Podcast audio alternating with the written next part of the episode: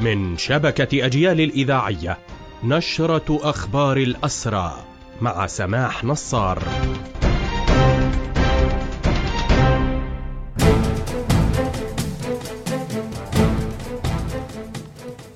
أهلا ومرحبا بكم إلى هذا اللقاء. أربعة معتقلين إداريين يواصلون الإضراب عن الطعام. هم كايد الفسفوس ومضرب منذ 28 يوما. المهندس سلطان خلوف مضرب منذ 28 يوما.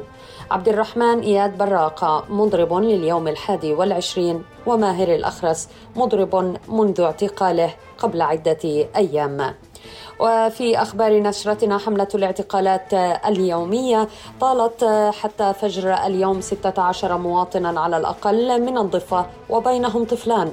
الاعتقالات توزعت على الخليل رام الله أريحة طول كرم قلقيلية والقدس.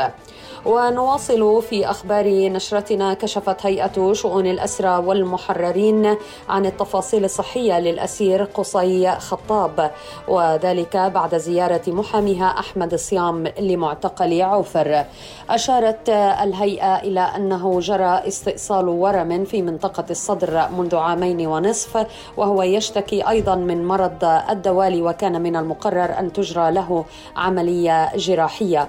هو الآن يعاني من مرض السرطان أثناء اعتقاله.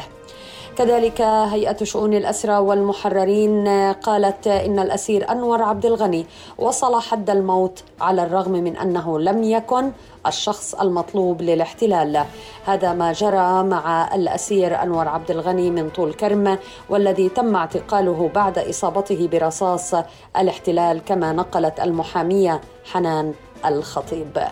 نعت هيئة شؤون الأسرى ونادي الأسير والحركة الوطنية الأسيرة والد الأسير نصر الله معمر من غزة والذي وافته المنية علما أن نجله محكوم بالسجن ل 25 عاما منذ عام 2008 بهذا مستمعينا تنتهي هذه النشرة الخاصة بأخبار الحركة الأسيرة قدمناها لحضراتكم من راديو أجيال. تحية الحرية لأسر الحرية وتحياتي سماح نصار.